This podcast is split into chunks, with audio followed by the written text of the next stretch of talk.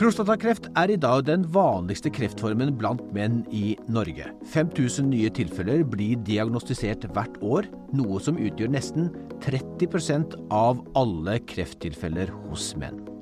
Om lag hver syvende mann blir diagnostisert med prostatakreft før de fyller 75 år. Vi skal snakke med uroonkolog Andreas Stensvold. Tusen takk for at du vil være med oss, Andreas. Bare hyggelig. Du er sjef på kreftavdelingen på Sykehuset Østfold, og har også i det siste ledet arbeidet med å oppdatere det nasjonale handlingsprogrammet for prostatakreft. Det kommer, eh, mens vi snakker nå, egentlig rett fra trykkeriet og er rykende ferskt. Hvordan, hvordan har arbeidet med å, å jobbe med, med dette handlingsprogrammet vært, Andreas? Har, eh, jeg sier at dette har vært noe av det tyngste jeg har gjort, eh, men egentlig veldig veldig lærerikt. Vi har eh, brukt lang tid, og det har blitt etterlyst mange ganger. Vi har jobbet veldig strukturert, slik at det skal være enkelt å forstå. Og så har vi vært opptatt av at dette skal være tilknyttet et internasjonalt guidelines, eller handlingsprogram. Det er viktig for oss. Mm. Og jeg kan jo si til deg, Andreas, jeg har jo lest mange slike nasjonale handlingsprogrammer. og denne, dette det som, som du og, og, dine kolleger har skrevet her om prostatakreft, det fremstår som veldig lettlest eh, og godt redigert, slik at det er en rød tråd gjennom det hele. Så den kan vi jo sende ut til alle fastleger, og kan vel også legge til pasienter og andre leger. Kan, eh, dette handlingsprogrammet kan leses med, med stor verdi uten å, å, å, sitte og gå fast i, eh, i vanskelige redaksjonelle ord. Og det har faktisk vært noen av ideene våre, at det skal være lettlest, og det skal bli brukt i hverdagen. Det som vi også har gjort, er at vi har linket inn til internasjonale guidelines istedenfor å gå i dybden. Det mener vi er faktisk feil. Mm.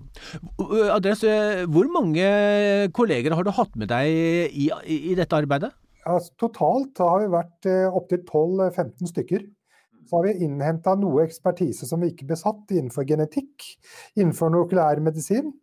Og så har vi et mål nå, og selv om det er rykende ferskt, å faktisk oppdatere det jevnlig en gang i året. Så første oppdatering planlegger vi i månedsskiftet april-mai. Hmm. Det er jo også, må jeg si, banebrytende, for ofte blir jo disse handlingsprogrammene de blir, eh, I tillegg til å ligge, ofte liggende i en skuff, så, så, så er de døde materialer. De, de blir de blir ikke oppdatert før eh, eh, det nesten blir eh, flaut sett fra myndighetenes side, og så må de sette i gang et stort oppdateringsarbeid. Så, så, her, så her, går dere kontinuerlig til verks? Ja, Det vi har tenkt på, Forrige handlingsprogram for prostatakancer var egentlig oppdatert i 2012. Det hadde gått ut på dato for lenge, lenge siden. Det er derfor vi har gjort så stor jobb. Også for å unngå at det skal bli like stor jobb når vi driver og oppdaterer, så har vi valgt å legge oss veldig nær de europeiske retningslinjene og de ble oppdatert grovt eh, i mars hvert år. Og da har vi planlagt å gjøre det relativt raskt tid i etterkant. Og, og, det er jo litt av grunnen til vi snakker sammen, Andreas. Det skjer jo, og har skjedd, veldig mye nytt innenfor behandling av uh, avansert prostatakreft. Det skal vi komme mer tilbake til. Men Andreas, aller først må jeg spørre deg. Du er jo da uroonkolog. Uh, og, og hva gjør en uroonkolog, og hvordan ser hverdagen din ut på sykehuset? Ja, på områdesykehusene eh, som ikke har strålebehandling, for det, vi driver jo også med det, i hvert fall når vi er på strålenetter. Eh, som kliniker så er det jo veldig mye pasientbehandling. Da behandler vi stort sett eh, alle med metastaser, eller i hvert fall har hvor de ikke kan bli friske. Det er vår kjerneoppgave. Og så er vi med på mange av MDT-møtene for å diskutere pasienter. Vi har ikke bare ansvar for prostata, vi har ansvar for nyrekreft, blærekreft, til viss grad også testikkelkreft, eller alt som har med urinveien å gjøre, for å si det enkelt. Mm. Et, et, kjempestort eh, fagfelt eh, som, eh, som, er krevende, og, og, skjedd, og, det skjer mye innenfor alle disse områdene du nå snakker om? Ja, Kjempespennende. Jeg sier dette er kremen av kremen. Nå er jeg inhabil, men jeg, sier dette er det hyggeligste å jobbe med. Eller det mest spennende å jobbe med innenfor uronkologien. og onkologien generelt, etter min mening. Men Andreas, selv om temaet vårt i dag er behandling av prostatapasientene med spredning, så må vi jo også komme innom og slå et slag for eh, det som kalles tidlig oppdagelse. For, for, det er jo slik som i all annen kreftform at kommer du tidlig til legen med eh, kreftsykdommen din, så går det stort sett mye bedre for disse pasientene. Er det ikke slik? Jo, grovt kan vi si det.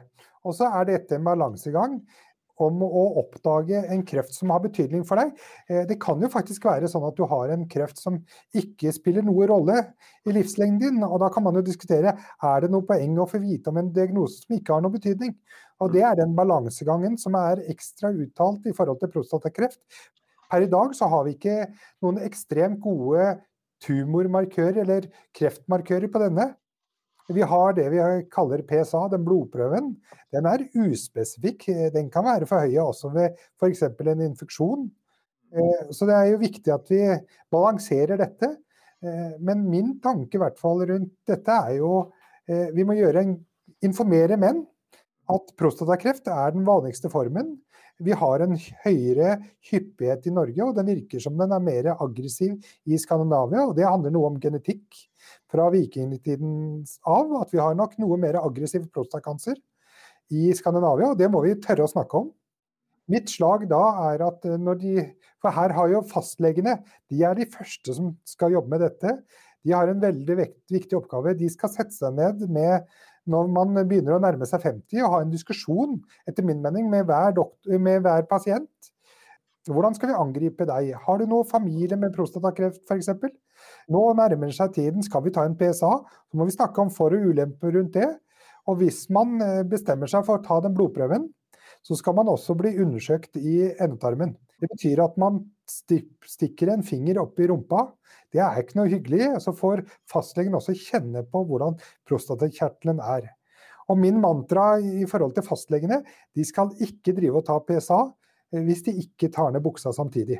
Vi må tørre også å snakke om at vi skal dra ned buksa av og til også, når vi er hos doktor. Og Det er kanskje det som holder oss menn i, i, si, i målgruppen, eh, 50 pluss. Eh, kanskje det holder oss litt borte fra å spørre fastlegen om vi vil, teste oss for prostata? Ja, og mange syns jo dette er ubehagelig. Og da sier jeg ja, det er litt ubehagelig, men da må vi tenke på eh, damene. Eh, de går til gynekolog i hvert fall annethvert år for å gjøre en screening. De får masse instrumenter inni i underlivet. Det er mye mye verre enn å få en liten finger i 10-15 sekunder i endetarmen, hvor man eh, får kjent på prostatakjertelen. Og så sier man ja, det er jo så mange kvinnelige doktorer. Ja, men dette er faktisk deres jobb. Eh, dette er det de er vant på fra, lege, fra doktorskolen. Så dette er viktig at vi Det er ikke der vi skal ha bluferdighet overfor doktoren vår. Dette er jobben vår. Nå, nå, innført, eh, nå, blir det innført i år screening for uh, tarmkreft. Uh, og det har jo også vært diskutert, uh, og det er mange som mener at vi bør ha en tilsvarende, kall det EU-kontroll, en gang i året også for prostata. Hva, hva er din, ditt synspunkt på det? Der er De europeiske retningslinjene er tvetydige. Mm. For dette er litt vanskelig. Det er ting som taler for det, og så er det noen ting som taler mot det. Det vi vet, i hvert fall per nå, så er det nok mer og mer dokumentasjon for screening. Og det europeiske urologiske organisasjonen som vi kaller EAU, de anbefaler nå screening. Eh, det er ikke mener Hvis vi skal i hvert fall gjøre det, så bør man tenke på Skandinavia som en gruppe vi bør mm. begynne å screene på. Og det må i hvert fall mm. vi gjøre på en sannferdig og grundig måte, og helst innenfor en studie, etter min mening. Nettopp. For, for, da er vi over på dagens tema, egentlig, Andreas. Eh, mange oppdages for sent, slik at kurativ behandling ikke lenger er aktuelt. Eh, det er, det er ca. 400 årlig som er i denne gruppen. Kan du beskrive en typisk pasient som har prostatakreft med spredning? Det er egentlig alle typer menn. Fra høyeste sosiale lag til den laveste, hvis vi skal snakke om sosiale lag. Det er en, eh, en homo, inhomogen gruppe. Jeg pleier å si en eh, metastaserende prostatakancer er ikke bare én sykdom, det er mange. Og de må vi angripe fra de snilleste, som, hvor det vokser veldig veldig langsomt. Ja, de har kanskje en forstørret lymfeknute som nesten ikke rører på seg, til den, noe av det mest aggressive med full spredning til f.eks. lever eller lunger. Eh, de siste årene har vi også sett spredning til hjernen som var veldig, veldig sjelden før. Jeg ble opplevd, opplært av professor Fosse at prostata sprer seg ikke til hjernen. De siste årene har vi, både Sofie og jeg, hatt pasienter med spredning til hodet. Mm. Og Hva skyldes det? Er, det? er, det? noe nytt som er i ferd med å skje genetisk med kreften? Nei, det tror jeg ikke. Det tror jeg handler faktisk om at vi er blitt så flinke til å behandle, så de lever lengre. Mm. Og da får man en, nok en seleksjon av biologi på kreftsvulsten som gjør at den penetrerer bedre eller lettere til hjernen. Mm. Ja, Du sier at eh, pasientene lever lenger, altså selv de som har en, eh, i prinsippet en, en dårlig prognose. Og, og, hvordan er, eh, hva er det du, du har eh, å tilby da? Ja, jeg sier i vertikasami, mi nå begynner det å bli mer og mer ting. Jeg har strålebehandling, jeg har cellegiftbehandling, jeg har hormonbehandling. Jeg har målrettet behandling på nok på sikt og hormon- og immunterapi hjørnestein i min, eh, den måten vi behandler prostatakreft med spredning på, det er å ta bort testosteron.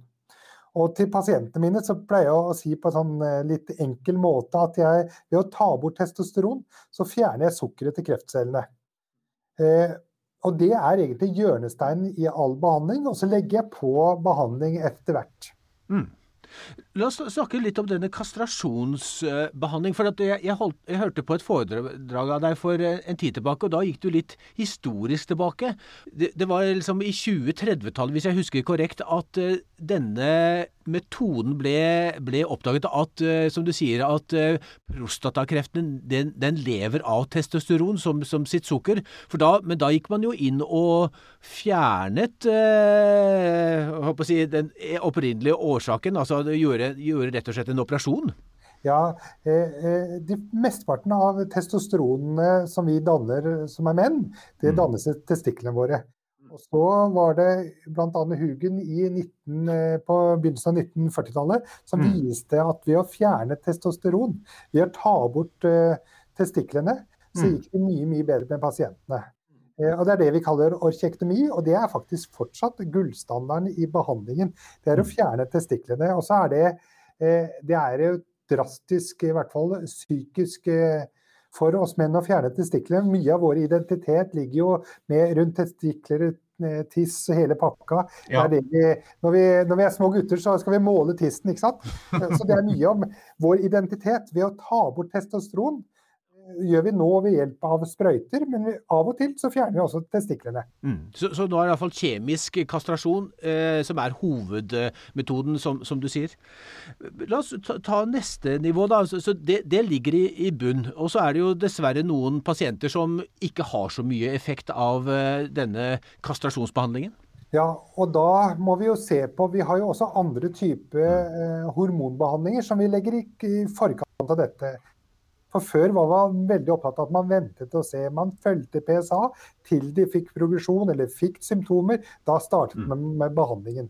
Enten om det mm. var cellegiftbehandling eller for den saks skyld også hormonbehandling. Nå har det vist seg i en rekke studier ved å flytte behandlingen tidligst mulig frem. Eh, mm. begynne med hormontabletter eh, som blokkerer også testosteron inni kreftcellene på en enkel måte. Mm. Eller begynner med cellegiftbehandling veldig tidlig. Så sparer jeg pasienten og gir forlengelse av livet på mm. flere år. Eh, ved å begynne med eh, cellegiftbehandling, og da vi, tar vi utgangspunkt i Dostat selv. Det er egentlig et produkt fra Balin. Ved å mm. gi det til pasientene eh, som har spredning av sin sykdom tidligst mulig i hormonfølsom fase for de som tåler det, så vet vi at vi kan faktisk vinne opptil flere år med overlevelse. Og det er lang tid i onkologien. Mm, det er imponerende. Og det, det var cellegiften. Eh, og så, så, nevnte du eh, nye antihormonelle medikamenter, i, eh, og, og, det er jo i tablettform, hvis jeg ikke tar helt feil. Eh, hva, hva er det? Og der har vi, vi har to preparater som er, vi har brukt siden 2011-2012. Det er enzytamid og cytamid. Og nå har vi fått flere preparater, og de skal man også gi både før pasienten har fått spredning, men mm. står i stor fare for å spredning. Eh, eh, noen pasienter er det vi kaller hormonrefrektær. Det betyr at PSA stiger tross at de er enten fjerne testiklene, altså orkestimerte, mm. eller at de går på hormonsprøyter. så stiger PSA, men jeg finner ingen metastaser, og da kaller vi de hormonrefrektær. Mm. Ikke metastatisk sykdom. Og da er det også viktig at man starter tidlig. Mm, det har vi akkurat fått på plass nå. Eller, eh, så det er en, egentlig en helt ny eh, arena for kreftpasienter med prostakanser. Mm. Eh, og jeg sier nå begynner vi å få, nå begynner vi å ligne litt på brystkreft. Vi uroonkelager har jo vært litt uh, misunnelige ja. på brystkreft, uh, brystkreftlegene. For de kan mm. tilby ene behandling etter den andre. Uh, nå begynner vi også å få det samme. Her er det viktig at man både vi har cellegiftbehandling, vi har hormonbehandling. Eh, de siste to årene så har det også kommet studier på bl.a. PARP-inhibitor. Det er jo målrettet behandling, at det kan være gunstig, særlig for de med det vi kaller BRCA-mutasjon. Mm. Og Det kommer meg inn på at uh, i handlingsprogrammet for prostatakancer så har vi skrevet at vi anbefaler nå at de utfører uh, NGS-testing, altså går inn på genetisk testing av svulstene til prostatapasienter. Det er ikke standard på mange sykehus, men det er det vi anbefaler nå. Dette er også i tråd med eh, det onkologiske europeiske foreningen sier at det bør man gjøre på prostakancer. Ja, ikke sant. For, for, ESMO, altså The European Society of Medical Oncology, som du sier, under siste store møte i 2020 så, så, så kom det jo nye retningslinjer for hva de anbefalte uh, for bruk av denne Next Generation Sequencing, uh, som du nevner? Ja, og da, der har de vært veldig spesifikke. At det er faktisk prostapasienter som mm. en av de få gruppene hvor man anbefaler nå testing på disse. Og Det har vi skrevet inn i handlingsprogrammet. At det er eh, i hvert fall faggruppens anbefaling. Og så må det bygges opp eh, på laboratoriene rundt omkring i Norge. Eh, I hvert fall lage gode strukturer. Hvis man ikke kan gjøre det sjøl, at det blir gjort på den, den pasienten hvor man mener at man har et potensial.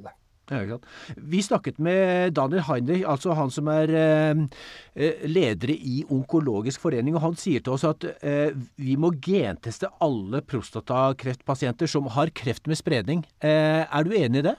Ja, jeg støtter han fullt, og det står også i vårt handlingsprogram. Så da var vi faktisk litt tidligere ute enn eh, Daniel. det var bra. Det er sjelden at et eh, handlingsprogram, som er jo en stor, stor oppgave å skrive, eh, setter dagsorden. Det er ikke dårlig. Gratulerer med det. Takk.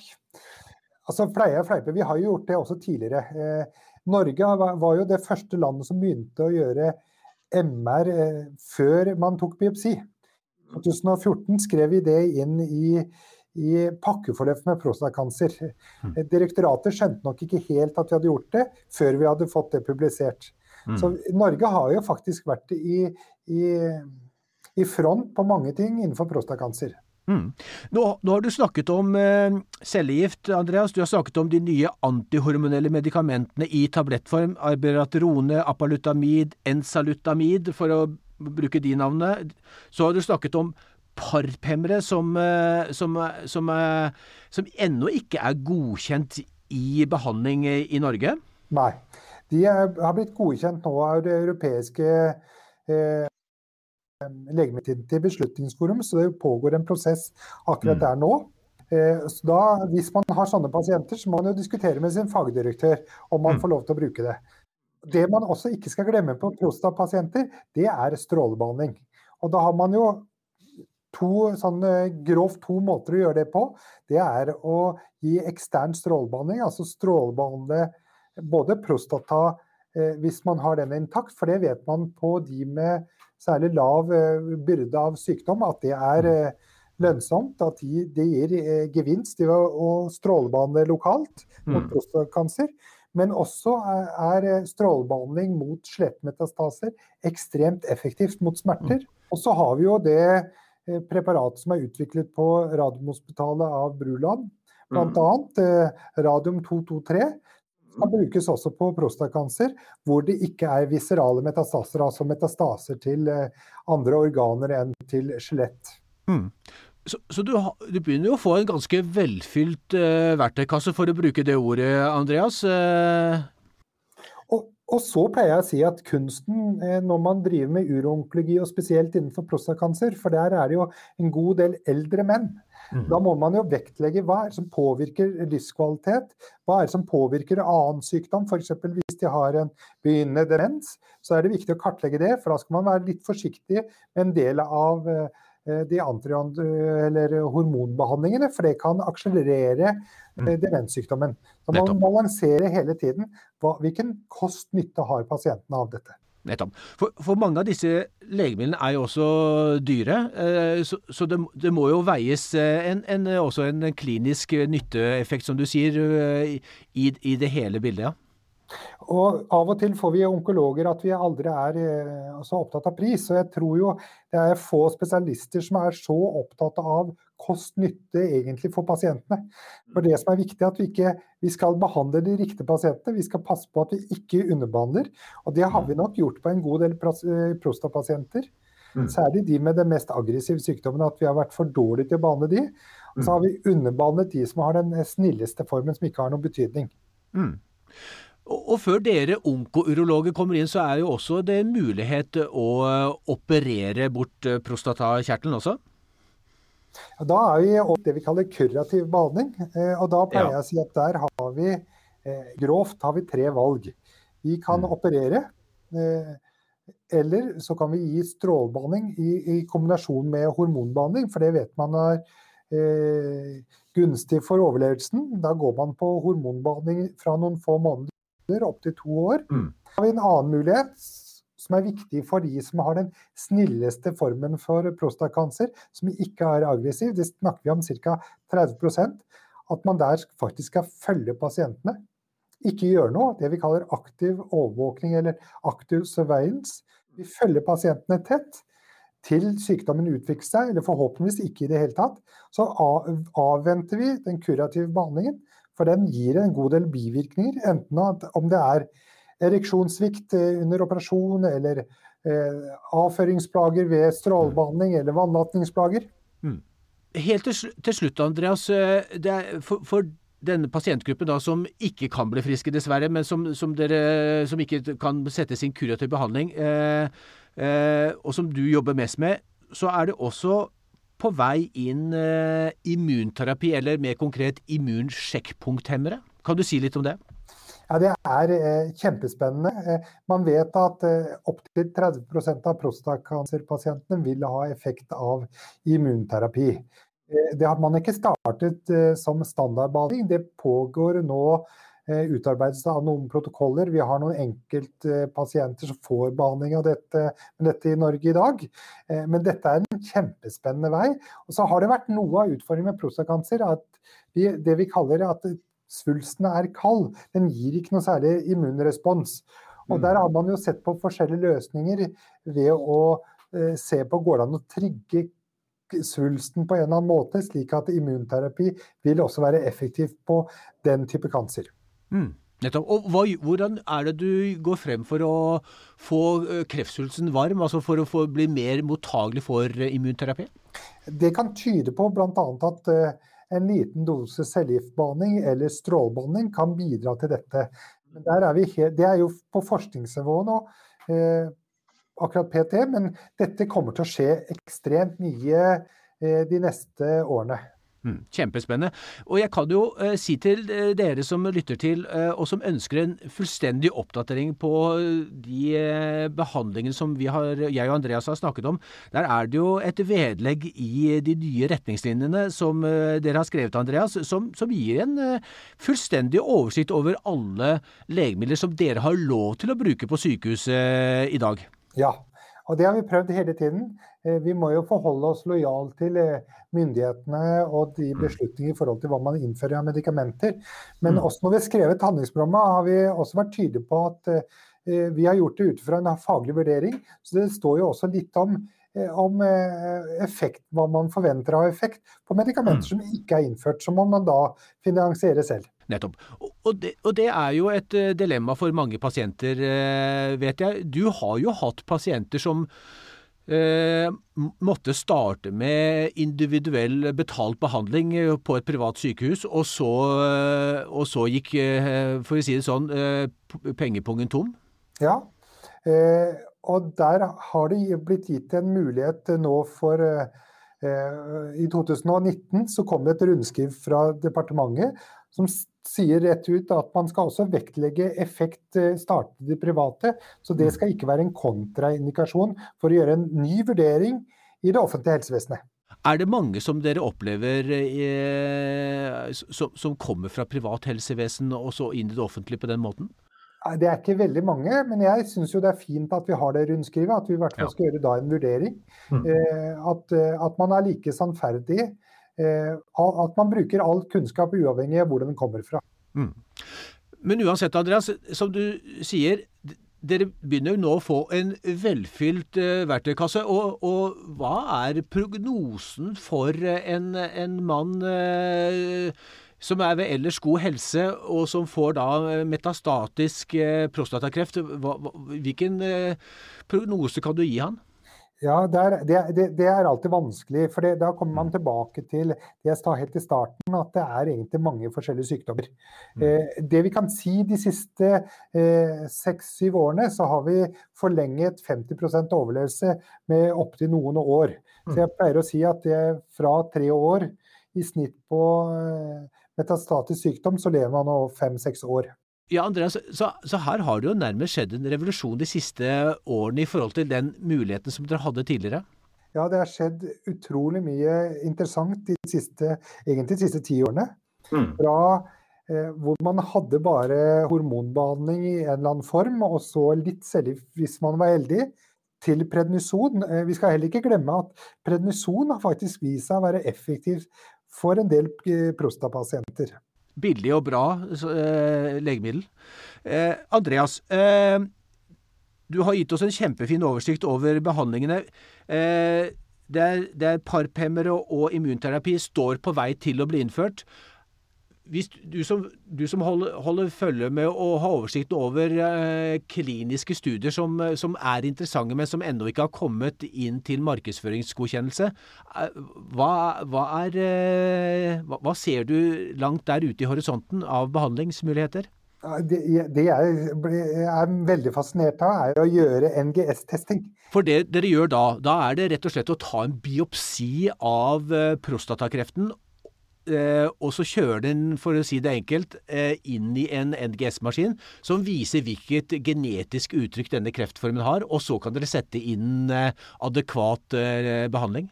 Ja, det er sånn enkelt, og så er det veldig veldig komplisert. Det Vi ser, vi trenger kunnskap fra patologer, vi trenger kunnskap fra matematikere, biostatistikere, for å, å vektlegge hvilken, hvilken hvor mye kan vi vektlegge denne forandringen, f.eks. For så mm. det, dette er jo viktig at prostapasienten prostatapasienten nå ikke bare blir behandlet av én doktor, men av et helt team. Og der eh, er du. Eh, du er en av Norges fremste eksperter innenfor behandling av prostata, blant annet. Andreas Stensvold, tusen hjertelig takk for at du ville være med oss og, og dele din eh, imponerende kunnskap, og jeg vil også si engasjement for, for denne pasientgruppen. Ja, det er et kjempespennende fagfelt. Og så er det jo også samtidig trist når man ser eh, hvor mye mange lider i det stille. og Det tror jeg vi skal vektlegge. Eh, mm. Mange prostatapasienter de, Man snakker om at dette er eldre menn, men det er mange som har veldig mye plager på slutten av livet. og Derfor er det viktig at vi kommer i gang med nye behandlinger som kan være, gi god lindring eh, de årene man får. Andreas Stensvold, hjertelig takk for at du var med oss. Bare hyggelig. Ha en fin dag. Takk i like måte.